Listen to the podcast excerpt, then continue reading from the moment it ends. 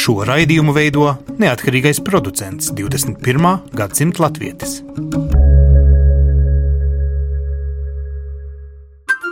Lai kur mēs būtu, Lai kur mēs būtu, Lai kur mēs būtu, Lai kur mēs būtu, Tie esam mēs. tie esam mēs. mēs Tie esam mēs. Mēs. Tas ir par mums. Tas ir par mums. tas ir par mums. Sveicināti raidījumā 21. gadsimta latvieši. Šodien runāsim par neparastiem latviešiem, kas dodas uz neparastu vietu savu studiju gaitās. Šim raidījumam, protams, ir jāskan tieši tagad, mirkli pirms Latviju, varētu teikt, apciemos vai drīzāk pagodinās tās simtsgadē Romas pāvests. Un uh, Romas pāvesta šajā dienestā vai hierarhijas sistēmā katoļiem katram ir savs izglītības ceļš, un tas bieži ved cauri vai uz Vatikānu. Un te man ir trīs, nu divi gan vēl studē, un viens jau izstudējis līdz doktora grādam. Sāksim ar doktoru. Teoloģijas fakultātē par doktoru gadiem jau strādā Andris Priedi, kurš savulaik izglītību baznīcas vēsturē ir ieguvis tieši Romā, vai ne, Vatikānā. Jā, Sveiki, labdien, Andri! Te savukārt divi, nu, man jāsaka, studenti, bet patiesībā jūs esat priesteri un uh, kalpojat uh, Latvijas draugzēs, bet paralēli mācaties Romā. Kārlis Miķelsons ir uh, priesteris Svētā Franciska baznīcā šeit Rīgā, bet mācās arī Svētā Anshelma, es atvainojos, ja nepareizi runāju, Pontifikāta liturģijas institūtā. Jūs, uh, nu, tādā laicīgā dzīvē, varētu teikt, studējat maģistratūrā katoļu liturģiju. Tā drīkstētu teikt? Jā, man liekas, ļoti precīzi. tas. Labi. Un Radions Doļa citā universitātē, bet arī Romā. Jūs studējat Pontificālajā Georgā, tātad pāvestam par godu nosauktā universitātē Bībeles teoloģiju, nu kaut ko ļoti līdzīgu Tieši tā, labdien. Radion, jūs kalpojat Krāslavā, Svētā Ludviga draudzē, esat tur vikārs. Nu, varbūt sāksim ar Andri. Andri, jūsu karjeras laikā tikt līdz Romai vai Vatikānam mācīties, tas bija, nu, tā kā sasniegt augstāko, ko var, ja tas ir dabiska katoļu izglītības sistēma, jo, nu, jūs arī esat priesteris un, nu, tā tad jūs kaut kādā mērā saziņa ar Vatikānu jums ir vajadzīga gan ikdienā, gan lūk arī mācībās, vai ne? Nē, neteiksim, ka tas būtu kaut kas ekstraordinārs. Tie bija 90. gadi, 90. gadu sākums, un eh, mūsu pašreizējais kardināls Jānis Pujāts loģiski saskatīja, ka ir nepieciešams atjaunot akadēmiski izglītotos kadrus. Jo tādā pašā garīgajā seminārā pasniedzēju vidū praktiski bija nomiruši, palikuši uz mazākā uz vienas rokas pirkstiem, eh, pasniedzēji, kuriem bija pirms kara Latvijas Universitātes teoloģijas fakultātes sniegtā augstākā izglītība, un absolūtais vairākums no mācības spēkiem bija pat bez bakalaura grāda. Tātad jūs, nu, būsim atklāti, jūs grūda uz doktorantūru Romā. Vispirms jau paskatīties, kā ietu ar to pašu maģistrantūru, ko Romā mēdz saukt par licenciātu, bet kas ir pielīdzināms mūsu māstariem maģistram. Un uh, viņa eminence vienreiz mani pieaicina un saka, nu, Klau, nu, tev taču ir mākslas akadēmijas izglītība, nu, esi tu to mākslas vēsturi studējis, nu, vai negribi pastudēt? Baznīcas vēsturi. Bet jūs paralēli, protams, jau kalpojāt eh, nu, tādā ziņā, ka Nē. viņš zināja, ka jums ir gan šī laicīgā mākslas vēstures izglītība, gan jums bija arī, nu, kā teikt, pilnīgi skaidra arī, ko nozīmē katoļu liturģija. Jā, bez šaubām. Es biju tajā brīdī vēl students, faktiski vēl bakalaura programmā, bet, nu, kardināls piekodināja, lai sāku jau mācīties itāļu valodu, kad eh, nav ko laiku tērēt. 90. gados kardināla metode bija sūtīta vēl bieži vien pat neordinētus, vēl studentus, paņemt no semināra pēdējiem kursiem un tāda vai nu uz Franciju, Notre Dame de Vie institūtu, vai uz Romu. Daži nonāca arī Savienotajās valstīs, nu, atkarībā no tā, kur kardinālam izdevās Nu, dabūt un tās tomēr, un- tas, jo tas, nav, tas ir diezgan dārgs prieks. Un tur ir tas triks, tātad 90. gados paralēli, ko mēs zinām, šodien ir Erasmus sistēma no Eiropas Savienības budžeta, ir dažādi labdarības fondi. Jums savā ziņā nu, es gribu teikt, paveicās. Proti, ka bija cilvēki, kuri gribēja Jā. ar stipendiju pabalstīt jūs 90. gados Romā dzīvot eh, pret Latvijas vidējo algu. Tas bija, nu, tērēt katru dienu Jā. pa Mercedesam, vai ne? Nē, nu neteiksim tik ekskluzīvi. Par semestri bija jāmaksā apmēram 1 miljons līru. Uh, ja Izklausās maz. nu jā, bet uh, klausties, uh, itāļu līra pirms. Bija nevērtīga, jā. Nu, es, nē, nē, nē, es negribu teikt nevērtīgi, tas izklausās tā nepateicīgi iepratīm Itālijai, kurā mēs tomēr dzīvojam. Bet, nu, kardināls man toreiz apmēram teica tā, nu, ko, turpcies tev samaksāšu, bet, nu, atpakaļ apmēram tiec pats, kā. Tad bija, tas, bet tas jau bija tad, kad es biju aizstāvējis to licenciātu grādu un bija zaļā gaisma rakstīt tālāk doktora grādu. Nu, šeit tie, kas atpazīst Andra Priedes balsi, noteikti atpazīst, ka Andris ar savām baznīcas vēstures zināšanām eh, ir ne tikai teoloģijas profesors tagad mūsdienās šeit eh, Rīgā, bet arī bieži mēdījos esat tas, kas tik skaisti māk izstāstīt tiešām visus eh, gan liturģijas secību, gan to kultūra vēstures ietvaru, ko mēs redzam bieži tiešraidēs, piemēram, lieldienās no um, Vatikāna. Nu, labi, tagad iepazīsimies ar citām balsīm, kas jāiepazīst. Kārlis Miķelsons ir cilvēks, kurš ir, es saprotu, arī ikdienā iesaistīts tagad pāvesta vizītes organizēšanā. Mēs tā varētu teikt, ka jūs kā students, varētu teikt, piedzīvosiet varbūt interesantāko posmu savā dzīvē, jo jums šeit Latvijā ir jānorganizē viss tas, kur ies, kam paspiedīs roku, kas kur stāvēs. Tātad, Jā. kā tas iet kopā ar jūsu studijām? Kā jums tas nodara? Jā, nu, patiesībā tagad ir mana studija praktiskā daļa. Ah, praksa Rīgā. Es, jā, un es neesmu atbildīgs par to, kur viņš ies un kam paspiedīs roku, jo tas jau ir protokols. Es esmu savukārt atbildīgs par liturģiskajām ceremonijām. Tas nozīmē, ka Tas jums ir nozīmē- jāiekārto vide, piemēram, Doma baznīcā, kas reiz bija katoļu baznīca, kurā notiks pāvesta šis ekumēniskais Jā, nu- dievkalpojums Rīgā, ja? Jā, konkrēti Doma baznīcā, zinot, ka saimnieki tur ir Lutāņu Mhm. baznīca, protams, mēs to darām kopā ar viņiem.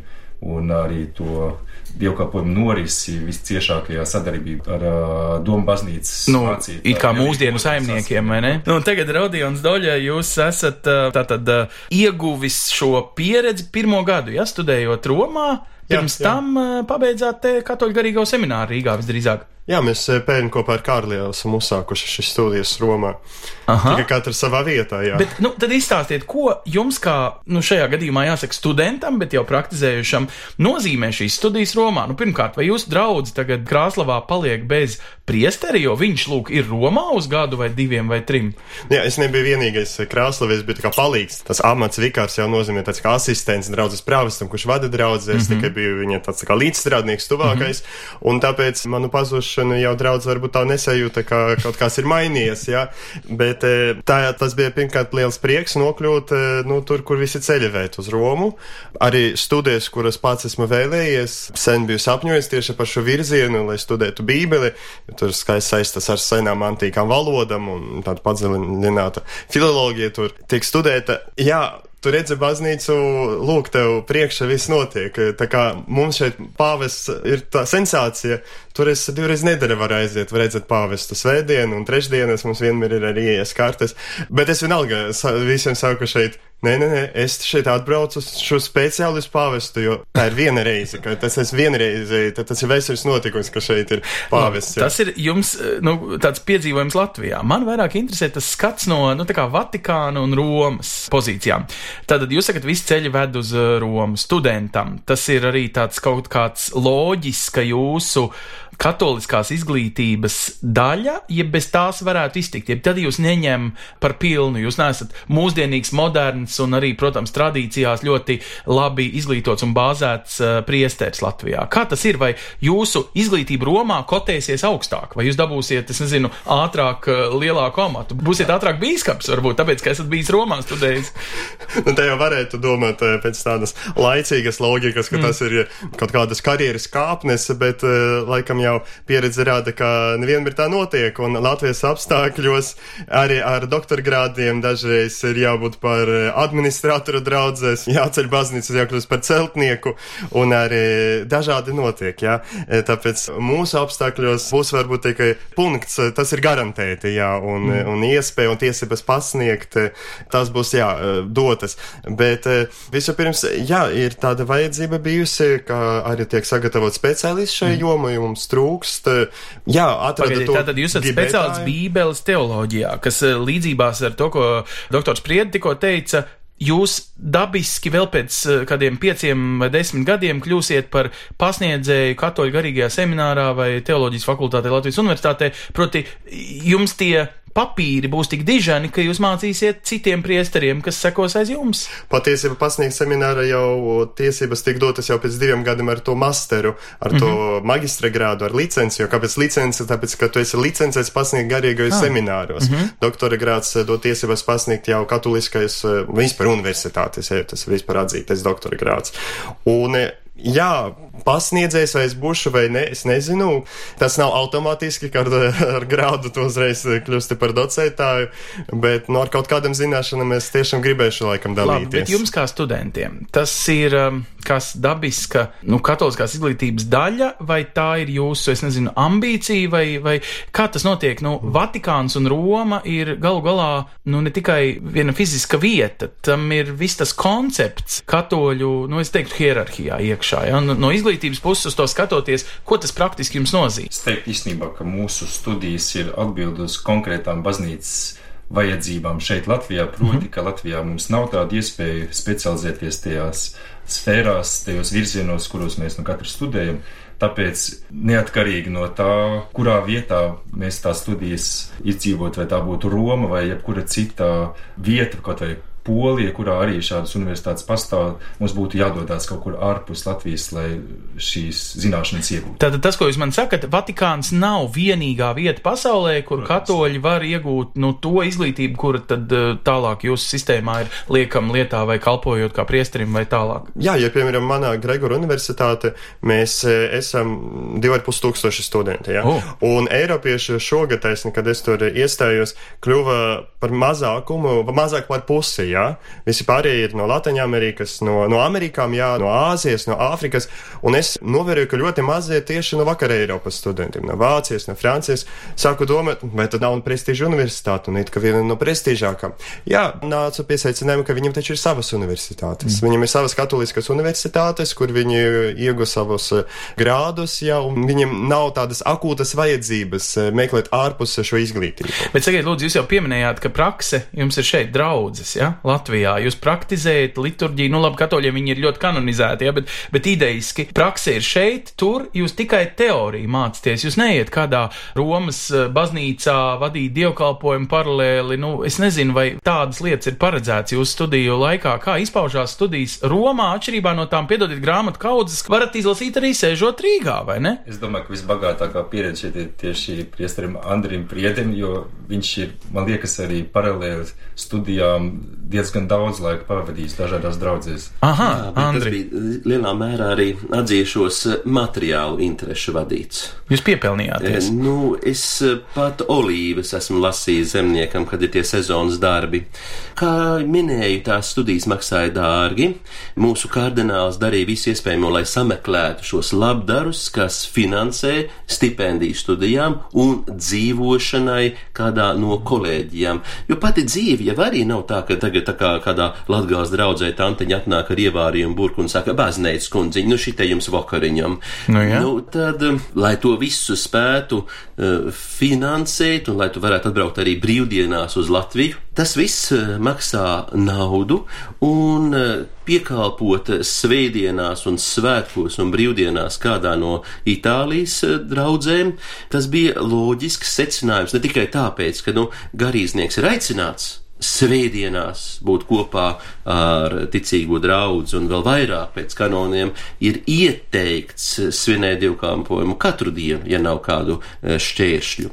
Bet arī šī pastorālā pieredze, un, nu, kas nav pilnīgi nebūtiski, sagaidīt, ka tev ne tikai pateiks paldies, bet, nu, varbūt finansēs kādu ceļu turp un atpakaļ, un varbūt kaut ko vēl vairāk. Bet, Andri, bet e, tas nozīmē, ka jūs tik labi mākat itāļu valodu, un, protams, nu, laikam katoļu liturģija ir daudz maz e, līdzīga visur pasaulē, ka jūs varat tik viegli iekļauties tajā, un tie itāļi ņem arī pretī ar vieglu latviešu akcentu vienu pa, vies, viesmācītāju, ja tā var teikt. Jā, nē, es esmu ļoti pieredzējis to, ka itāļu draudzes ticīgie nāk un žēlojās, ka viņi neko nevar saprast. Ka jums ir akcenti. Man tas bija pirmajās vasaras brīvdienās Itālijā. Aha. Eh, Viena draudzīte netālu no Veronas, kur vietējā miesnieka tētis, kas bija cītīgs baznīcā gājējs, viņš eh, pēc mana pirmā sprediķa esot iznācis ārā no baznīcas un teica, vai jauks gan tas jaunais mācītājs.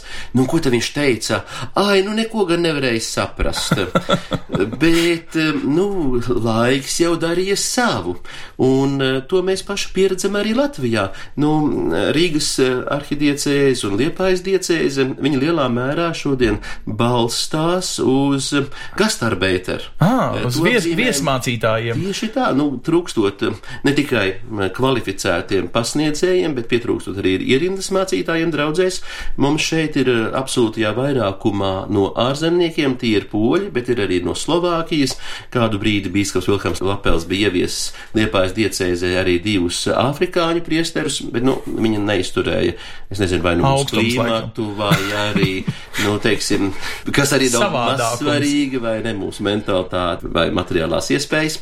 Tā kā cilvēki, ticīgie draudzēs, nu viņu ticība tiek lielā mērā pārbaudīta, tāda, jā, nu tur nevar saprast, ko viņš sprediķo, mm. bet, nu, dievmaizīt viņš izdala, Jā. grēkus viņš viksrēslā piedod, saprot vai nesaprot, nu, nu ko, nu tas nabag ticīgais, ja viņam nav iespēja iet uz kādas citas konfesijas baznīcas, nu viņš jau arī aprobežosies, un tā tas bija arī Itālijā. Jā, labi. Nu, kā jums ir uh, abiem? Jūs esat no vienas puses studenti, no otras puses no studenta dzīve. Tas arī nenozīmē gluži ar zelta maliņu šķīvīts, vai ne? Vai jūs varat tad uh, uzturēt, jums ir kāda, es nezinu, Erasmus stipendija, varbūt jūs esat pirmkārt Eiropas Savienības pilsoņi un braucat uz Itāliju studēt. Varbūt tur var piesaistīt pavisam parastu studentiem paredzētu atbalstu mūsdienās. Patiesībā tas atbalsts mums ir, jā, bez tā atbalsta, es domāju, neviens no mums nevarētu mm. studēt Romā, katrā ziņā noteikti ne. Un uh, tas atbalsts abu mūsu gadījumā ir no Vācijas. Tas ir, Tieši tā. uh, tā ir stipendija, kur mēs saņemam studijām, un uh, es arī dzīvoju tādā vietā Romā, kas ir Austrijas un Vācijas kolēģija. Mm -hmm. Tur man ir īpaši tādi dzīvošanas apstākļi, ka man nav jāmaksā par uzturēšanos. Bet, sakiet, parasti studenti no rītiem ir lekcijās un vakarās ir ballītēs. Jūsu studijas, es pieņemu, ka ir daudz nopietnākas, ilgākas, ar, es baidos minēt, lielākām grāmatu kaudzēm, kurām jāaiziet cauri. Tā ir, ka jums ir nu, tiešām jāsaspringst šos gadus, ko pavadīsiet Romā, un jūs iznāksiet ārā ar nu, tik daudz zināšanām, cik vispār vienā galvā var iebāzt. Un Ja mēs pārāk saspringtu, tad mēs varbūt pārplistu ļoti Ā, nu jā, ātri, tiesa. Tomēr šī Romas pieredze, tā tu viņa sauc, experience romāne, ka tās arī ir eh, sava veida, nu, jāpagūst arī kaut ko nobaudīt tajā laikā, mm -hmm. jā, un tas ir tādi atpūtas brīži, kopā tur tiešām ir ko redzēt, ir kur apsēsties kaut ko garšīgu apēst, mm jā. Varbūt eh, es gribētu pieminēt, Kārlis minēja šo vārdu kolēģi, kas tā ir tāda tā Romas kolēģijas, jo Roma priesteri e, nedzīvo jau kā tādi parasti studenti kaut kādas kopmītnes, mm. kopīgais ar citiem, vai kaut kur ir spiesti meklēt e, lētāku īres dzīvokli, jo priesteri jāturpina dzīvot tādu kā kopienas dzīvi, un ir tādas speciālas priesteru kopmītnes, kas parasti ir dalītas pēc nacionāla principā. Ah. Jā, kādas minēs Vācija, viņš ir tāda austriešu dibināta kolēģija, kur ir vācu valoda, tiek runāta kā primāra valoda. Es, piemēram, tā kā latviešiem neesot savas mājas tādas, jā, Romā, bet lietuvieši bija tādi, kas e, jau pēc kara gadus bija nopirkuši un dibinājuši savu žemaiču kolēģiju. Tad e, es esmu lietuviešu kolēģija un man apkārt ir lietuvieši. Attiecīgi, aizbraucis uz Romu, jūs iemācāties vēl arī lietuviešu valodu, ja? Klāt. Oh. Tā sanāk. Nu, ziniet, es jau ļauju viņam runāt lietuviešu valodu, jo viņam jau jāparunā kaut kādi savi noslēpumi, lai es nesaprastu. Labi. bet, bet, bet es ja... šogad ķeršos pie lietuviešu valodas jau Nu, sagatavoju. kopš jūs zināt arī latgaļu valodu, tad jums būs vieglāk pie lietuviešu Jā, jā, jā. valodas tikt nekā no Rīgas puses, no Krāslavas noteikti Tur vieglāk. ir tās joks, ka mēs jau latvieši kaut kā vairāk saprotam no lietuviešu mēles, nekā viņi saprot, kad mēs runājam. Ā, tas ir labi. Jā, Tas jums par labu. ir tāds saīsinātāks. Bet, ja nopietni, nu, zinot, ka nu, liturģijas dažādās valodās, nu, vispār, lai pētītu senos rakstus, ir jāzina, kā minimums latīņu valodas, jums arī ir jāgatavojas pirms šīm studijām braukt uz Romu. Jums jāiemācās septiņas valodas un visas tik padziļināti kā dzimtās. Visa, vai kas ir jāsagatavo studentam, lai viņš nokļūtu līdz Romai, vai vienkārši ir jābūt ticīgam un garīgā seminārā jau pie papīram tikušam? Nu, Pirmkārt, ir jābūt pabeigtam bakalaura grādam. Tas nozīmē, ka ir jau zināms, zināma filozofiskā un teoloģiskā bāze, lai varētu konkrētajā master vai licenciāta programmā studēt, kurā esam mēs ar Rodionu. Un tās priekšzināšanas pirms studijām, nu, viņas ir ļoti vēlamas, bet katrā ziņā viņas ir jāiegūst attiecīgajā līmenī vismaz īsi pirms studiju sākšanas vai arī studiju pirmajā posmā. Mm -hmm. Tāpēc, ka itāļu valoda, kurā mēs studējam, protams, ka ir absolūti nepieciešama. Man tā ir latīņu valoda, kura ir īpašs akcents jo studēju latīņu liturģiju, savukārt Rodienam to valodu ir vēl daudz vairāk. Nu, Rodian, kā jūs pavadat ikdienu, kurā valodā? Es, es pavadu starp divām mācību grāmatām, senebru valodu un, un sengrieķu valodu, bībeles, jaunas derības. Tad jūs iziet uz ielas un runājat itāliski, tad jūs paceļat telefonu un piezvanat es... mammai, tā, tad jūs runājat latviski vai krieviski vai kā? Iziet uz ielas, es pacelēju uh, kārtiņas ar uh, senebru valodas uh, dažādiem La... vārdiņiem, jā, kurus man jāliek eksamenā, jātulko teksti. Starp citu, gribētu vēl uh, tikai pateikt, ka nepietiek tikai ar to bakalauru teoloģiju, bet arī bakalauram jābūt eh, tam katoliskās baznīcas apstiprinātam. Un mums ir tas nu, negods, bet tas prieks, ka mūsu augstskolas, gan eh, lājiem, kas mums ir domāts, reliģiju zinātņu institūcija, gan mūsu seminārs ir afiliēti pie vienas no Romas pontificālām universitātēm. Mēs jau saņemam to papīru no Dubult Romas. Diploms, jā, jā mēs esam saņēmuši tādu skaistu pergamentu no Romas. Un kad es Romas stājos šogad, jā, es atnāku vēl itāliski īsti nerunāju, tur sekretariāta iesniedzu. Viņa saka, bet jums taču ir Romas diploms, un jūs tā kā slikti runājat itāliski. Tad nācies tikpat slikta valoda skaidrs, ka mēs esam vienkārši afiliēti. Labi, tagad uh, jūs fiziski, nu it kā pie Vatikāna piekabinātā, var teikt, universitātē, bet fiziski viņi atrodas Romā, tātad Itālijas teritorijā. Bet, Andri, jums kā mākslas vēstures profesoram, es gribētu prasīt tā, vai gadienā Vatikāns ar visām tām pasaulīgajām bagātībām, kuras atkar žokli uz 13 gadiem, kad cilvēks tur ir bijis, viņš vienkārši man liekas, visu pasaules, ja ne vismaz Eiropas mākslas vēsturi ierauga vienā pastaigā caur uh, Vatikāna gaiteņiem. Vai Jā. tur nevajadzētu mācīties arī daudzām citām, ne tikai reliģiju saistītām zinātnēm, vai cilvēki tur nevarētu, kā saka, nonākt un nu, kaut vai to pašu jūsu mākslas vēsturi vienkārši nu, smelties kilogramiem, vai ne? Es varbūt precizēšu, ka varbūt ne tikai atkar žoku uz 13, bet arī uz 20 gadiem. Mēdz arī tā būt. Jo ja? satieku līdz šim brīdim latviešu turistus, kuriem kuriem esmu vadījis ekskursijas pa tiem pašiem Vatikāna muzejiem, un kuri atcerās mm. ar labu vārdu Protams. to, kas ir bijis pirms vairāk nekā 20 gadiem. Tiešām tā tas bija studiju gados, e, vasaras periodā e, latviešu turistu autobusi vai arī svētceļnieku autobusi bieži iegriezās mūžīgajā pilsētā, un tad tas piederēja pie pilsētas tādas specifikas, ka mūsu turfirmas meklē kādu uz vietas dzīvojošu cilvēku. Šodien tas ir daudz stingrāk, viņam būtu jābūt jau arī ar gīda licenci. Aha. Tā kā mums pat, piemēram, ja viņš pasniedz Romā šo savu zināšanas, ja? Florence un Sienā. Romā, kad atbrauc, tad praktiski tagad es esmu ievērojis, kad mūsu latviešu studenti vairs nepadalās ar savām zināšanām, viņi atsaka vadīt šīs ekskursijas turfirmas meklē kādu citu mums radniecīgu tautu pārstāvju. Bet tātad tas, ko jūs man sakat, ka priesteri, kas studē Romā, šobrīd varētu kļūt, nu, kaut vai par privātu gidiem kādam, kurš ir gatavs par to maksāt, lai izzinātu visus šos Romas dārgumus, kas tiešām ir jāizzina. Nē, jo toreiz nebija tik stingra uh, skatīšanās pakaļ par to, vai tev ir šī gīda licence mm -hmm. pirms 20 gadiem. Nu, garīdznieks, ja viņš ietu ar savu kolāriņu, viņš vienmēr var aizbildināties, ka es jau nevadu ekskursiju ekskursija, nu, jā. es pavadu svētceļniekus, un mēs uh, skaitām krustaceļu lūkšanas mm. apkārt, uh, teiksim, tur nu, tā tā Bernīni zālei ar tur Apolonas statuju, bet mēs tur vienalga, mēs tur skaitam egzorcismu lūkšanu, izdzenam ļaunos garus no pagātnē divu statujām. Varbūt arī tā varētu attaisnoties. Bet, nu, man jau bija šī mākslas akadēmijas izglītība, un tāpēc tas bija iespējams tik ideāli veidot šādu iespēju gan pašam atsvaidzināt savu zināšanas. Es domāju, ka es šodien joprojām varētu ar aizsietām acīm izvest cauri tām ceļā uz Siksta kapelu cauri Vatikāna zālēm. Bet, Andri, bet tas ir devis jums kaut kādu pilnīgi neatņemama pieredze, kurā jūs esat, nu, varētu teikt, unikāls cilvēks Latvijā, vai ne? Jo neviens mākslas vēsturnieks jums nevar tik daudz izstāstīt, kā jūs pats esat redzējis, ieelpojis to, kas Vatikānā patiešām ir paslēpts no tiem pasaules dārgumiem. Nē, nu, katrā ziņā, tad, kad es eh, studēju mūsu akadēmijā un eh, mūsu pirmajos kursos Taķana Kačālova eh, rādīja diapozitīvus ar visiem šiem sengrieķu un romiešu tēlnieku meistardarbiem, nu, es toreiz neņēmu viņus tik ļoti nopietni. Es būtu daudz cītīgāk mācījies, nevis tā, mums bija tādā pustumsā, mm. Eh, akadēmija tā uz galda maza zaļa lampiņa.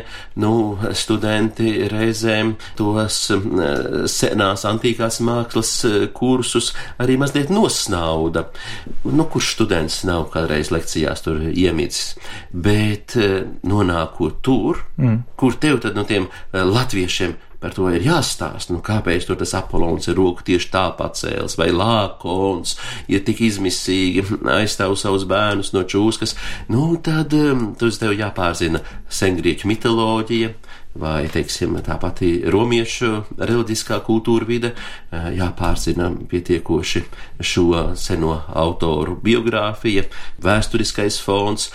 Un tas ir skaisti. Es par šiem gadiem esmu ļoti pateicīgs un mūsu klausītājiem var novēlēt, ja jūs esat studentu gados, izbaudiet šos gadus, ņemiet nopietni to, ko ir iespējams mācīties eh, un ko ir iespējams apgūt gan eh, teorētiskajā, gan praktiskajā daļā. Nu, paskatāmies tagad to reliģisko daļu. Poši, nu, jūs eh, studējat, varētu teikt, blakus sienās Romas pāvestam. Tur ir visi kardināli, tur ir visa šī vēsture, visa, jūs varat ieiet arhīvā, es pieņemu, un pašķirstīt katru vienu vēstures posmu, kurā jūs saprotat, kā attīstījās katoliskā prakse vai jebko. Vai jūs kaut kā to ņemat kā īpašu vietu? jums sirdī vai prātā tas saslēdzās, ka tā patiešām ir īpaša vieta, kur jūs studējat un kas ir jūsu dzīvē, nezinu, dota pieredze, un kā jūs to pēc tam gal galā varēsiet likt lietā savā kalpošanā, kur nebūtu dzīve jūs aizvedīs. Un tā bija viena no pirmām domām, kas nodarbināja, manuprāt, uztaigājot pa universitātes gaitiņam, kuri nu, ir šeit ir staigājuši. Mm. Pirmkārt, domāju par tiem latviešiem, kas tur ir studējuši, tas pats Ladusāns, tie, kas e, pirms paša kara bija aizsūtīti uz Romu studēt, pēc tam bija spiesti palikt arī Eiropā, jo vairs nevarēja atgriezties Latvijā. Un e, domāju, kas vēl tie senāki, tur Maksimilians Kolbi izrādās studējis, jā, kas atdeva savu dzīvi Aušvicas nāves nometni.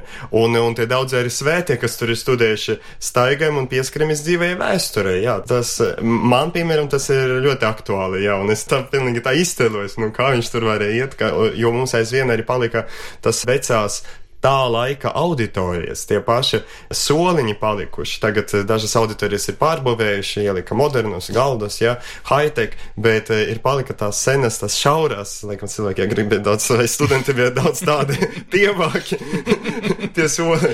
Tur, un tur tiešām, jā, tā ir tā dzīve vēsture, jā. Kā ir? Man nāks secināt, ka jūs visi trīs it kā esat studējuši Vatikānā saistītās lietās, bet patiesībā Vatikānā neesat dzīvojuši, un vai tur vispār ir kāds latvietis Vatikānā? Ikdienā, izņemot Romas pāvestu un viņam pietuvinātos? Vai tur ir kāds, kas kalpo nu, tādā ikdienas izpratnē, dzīvo tiešām aiz Vatikāna sienām, nevis Romā? Nē, nu, Vatikānam ir vesela vairāki simti pilsoņu, bet eh, puse no tiem sastāda Vatikāna diplomātiskā dienesta darbinieki. Mm -hmm. Vatikānā dzimst pat bērni.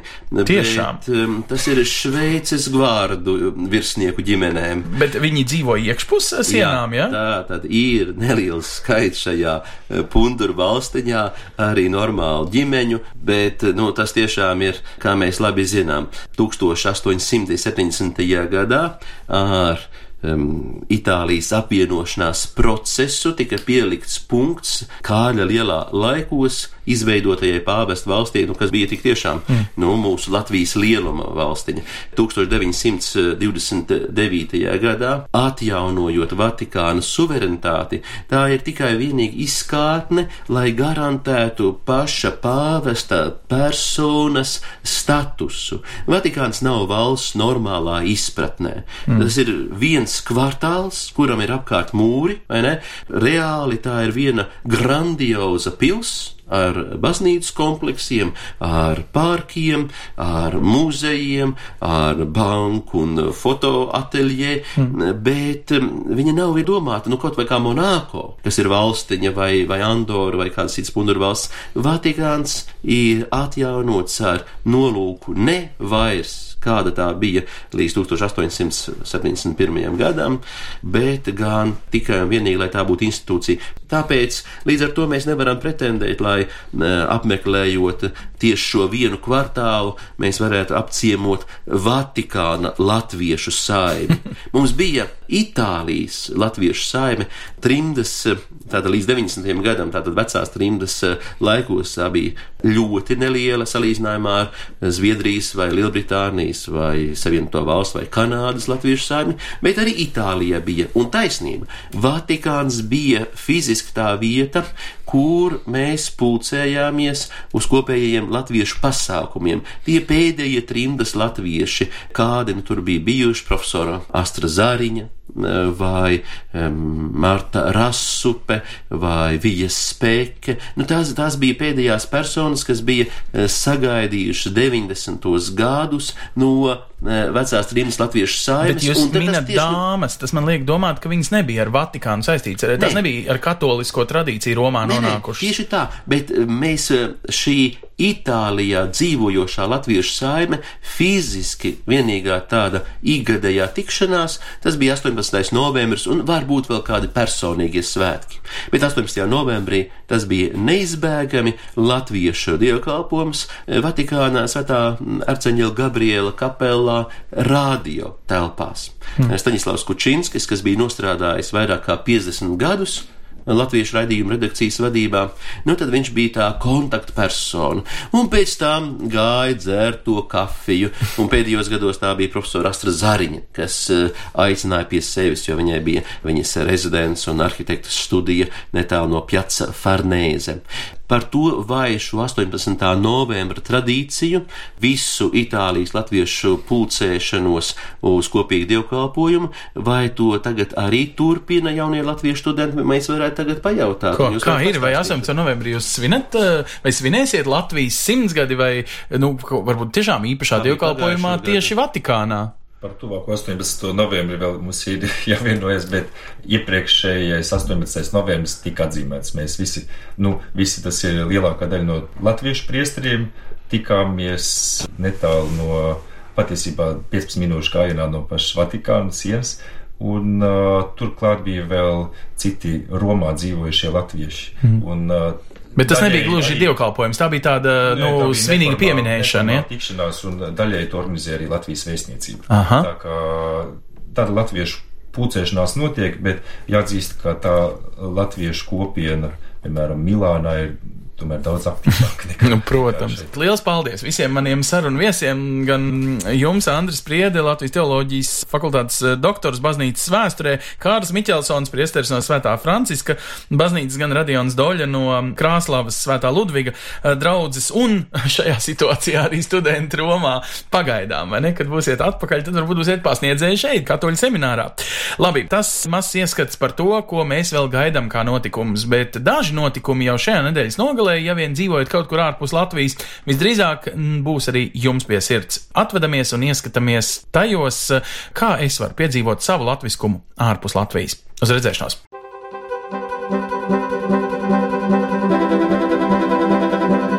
Sadarbībā ar, ar Latviešu.com piedāvājam globālais latviešu notikuma apskats, kur ir tur rodas. Kur ir tur rodas?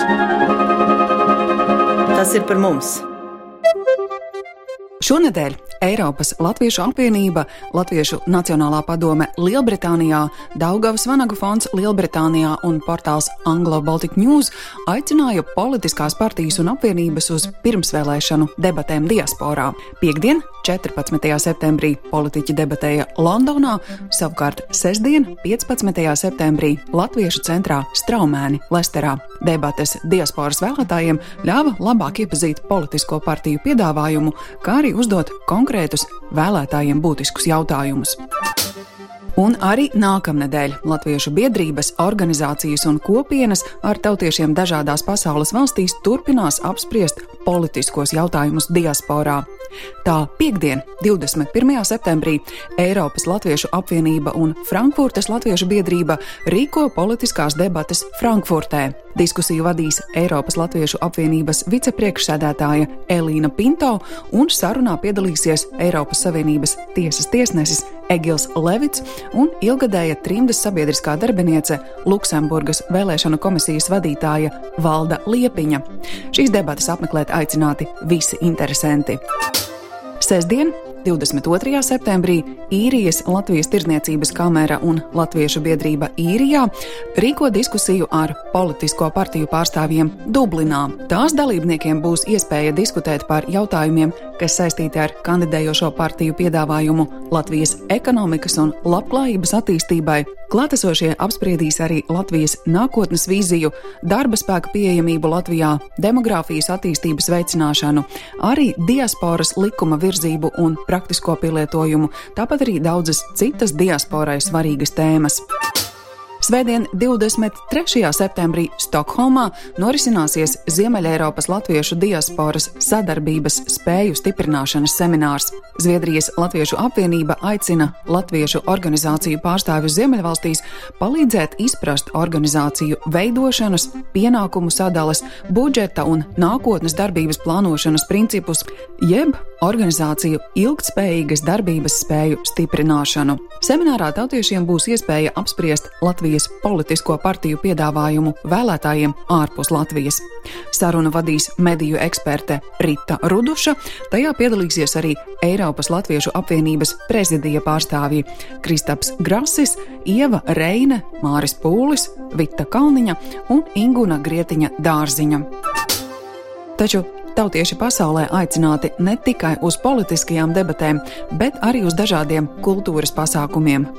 Svētdien, 23. septembrī, Beļģijas pilsētā Zedelgemā atklās pieminekli brīvībai, kas veltīts latviešu karavīriem, kuri pēc otrā pasaules kara beigām nonāca Zedelgemā kā kara gūstekņi.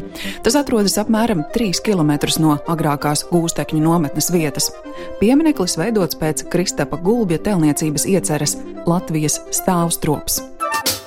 Berlīnē būs iespēja noskatīties muzikālu teātrī izrādi Kas par traku, tas par traku.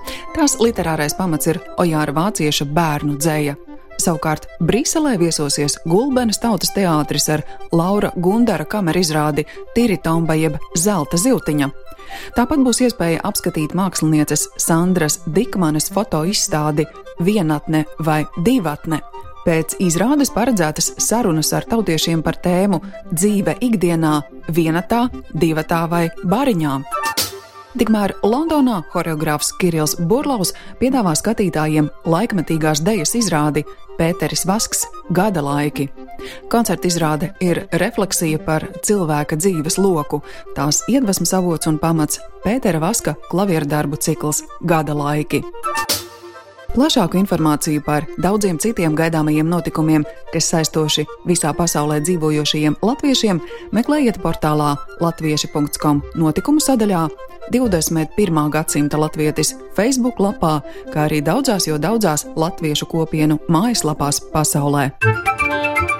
Raidījumu veido Ancis Bogustovs, Paula Gulbinska, Arta Skuja un mūsu ārzemju korespondenti. Raidījuma producents Lukas Rozītis.